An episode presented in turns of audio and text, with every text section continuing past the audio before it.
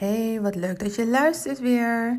Ik heb een korte podcast. Eigenlijk is het meer een bemoediging en wat tips. Dus van beide wat. Want uh, we zien allemaal goals, goals, goals voor het nieuwe jaar. En dat is allemaal echt fantastisch. Um, maar soms kunnen we nog wel eens daarin doorslaan. Dus ik heb voor jou drie dingen die je wel moet. En drie dingen die je echt niet hoeft te doen uh, op deze oudejaarsdag. Um, of deze twee laatste dagen, ik weet niet wanneer je het hoort. Nummer 1 is kijken of je nog een investering kan doen vanuit je business. Dat belastingtechnisch nu nog handig uitkomt.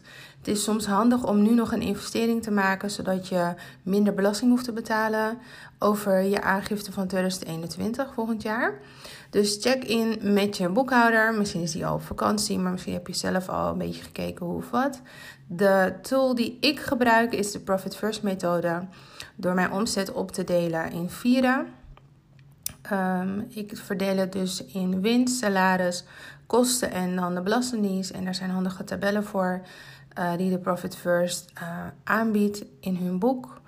En daar, aan de hand daarvan kan ik heel makkelijk zien of er nog geld is om te investeren dit jaar. Of dat ik al eroverheen ben gegaan. Twee, je omzetdoel uh, voor komend jaar bepalen. Dat is wel handig, want dan als je niet weet waar je naartoe werkt, dan weet je ook niet of je op koers zit. Sowieso heb je waarschijnlijk een minimum uh, bedacht wat je moet hebben om überhaupt voor rond te komen. Maar ik wil echt dat je een beetje een, een, een scary, ik wil zeggen bang, maar in het Nederlands zo raar, een scary goal zet. Dus als je bijvoorbeeld vorig jaar 20.000 euro omzet hebt gedraaid, dan wil ik dat je minimaal met 10 verhoogt, maar eigenlijk verdubbelt of zelfs naar 50.000 zet. Um, en als je een ton omzet hebt gedraaid vorig jaar, great verdubbel die ook maar of zet hem lekker naar 2,50.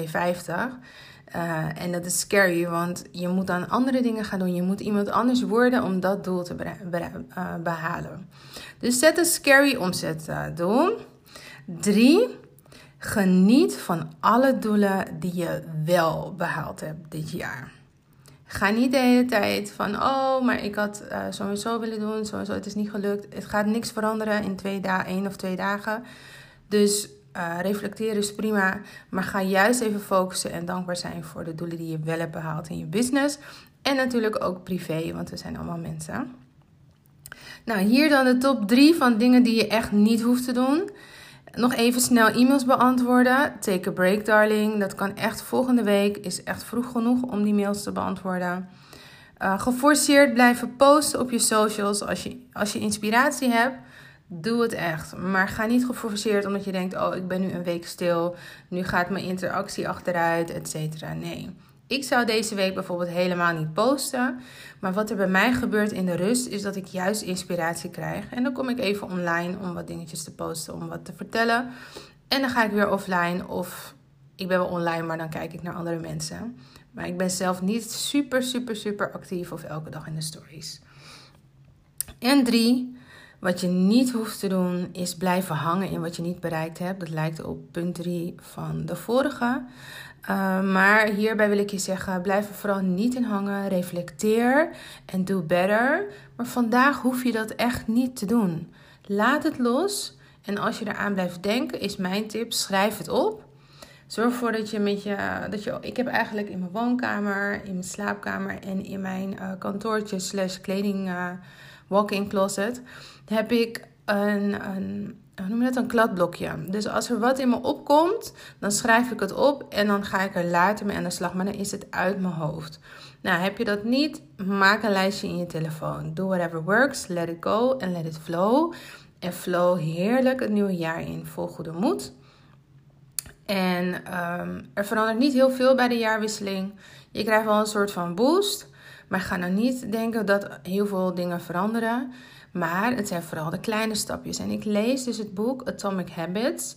En daarin vertellen ze over de compound interest. Dat hoor je wel eens uh, met beleggen. Maar je hebt met compound interest voor jezelf zijn elke dag nieuwe habits, uh, gewoontes aanleren. Zodat aan het einde van het jaar je ja, dat, dat zeg maar de kwaliteit van leven of de kwaliteit van je business is toegenomen. Dat je elke dag iets anders, iets nieuws jezelf aanleert. En dat kunnen allemaal kleine, kleine stapjes zijn.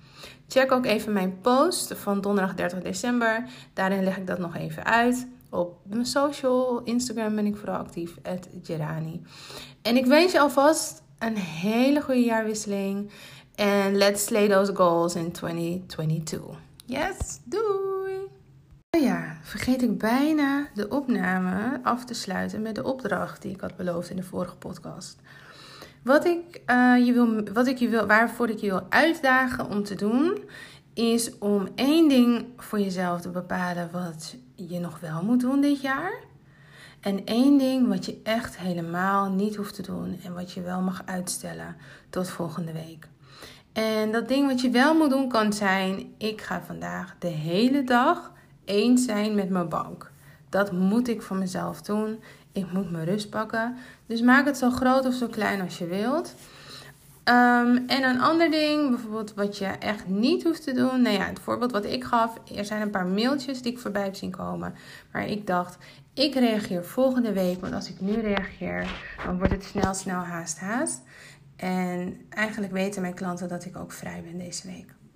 Dus ik ben benieuwd welke twee dingen je gaat opschrijven of bepalen voor jezelf. Laat het me weten via Instagram, Gerani. En dan uh, nou, zie of hoor ik je snel. Toedeloe!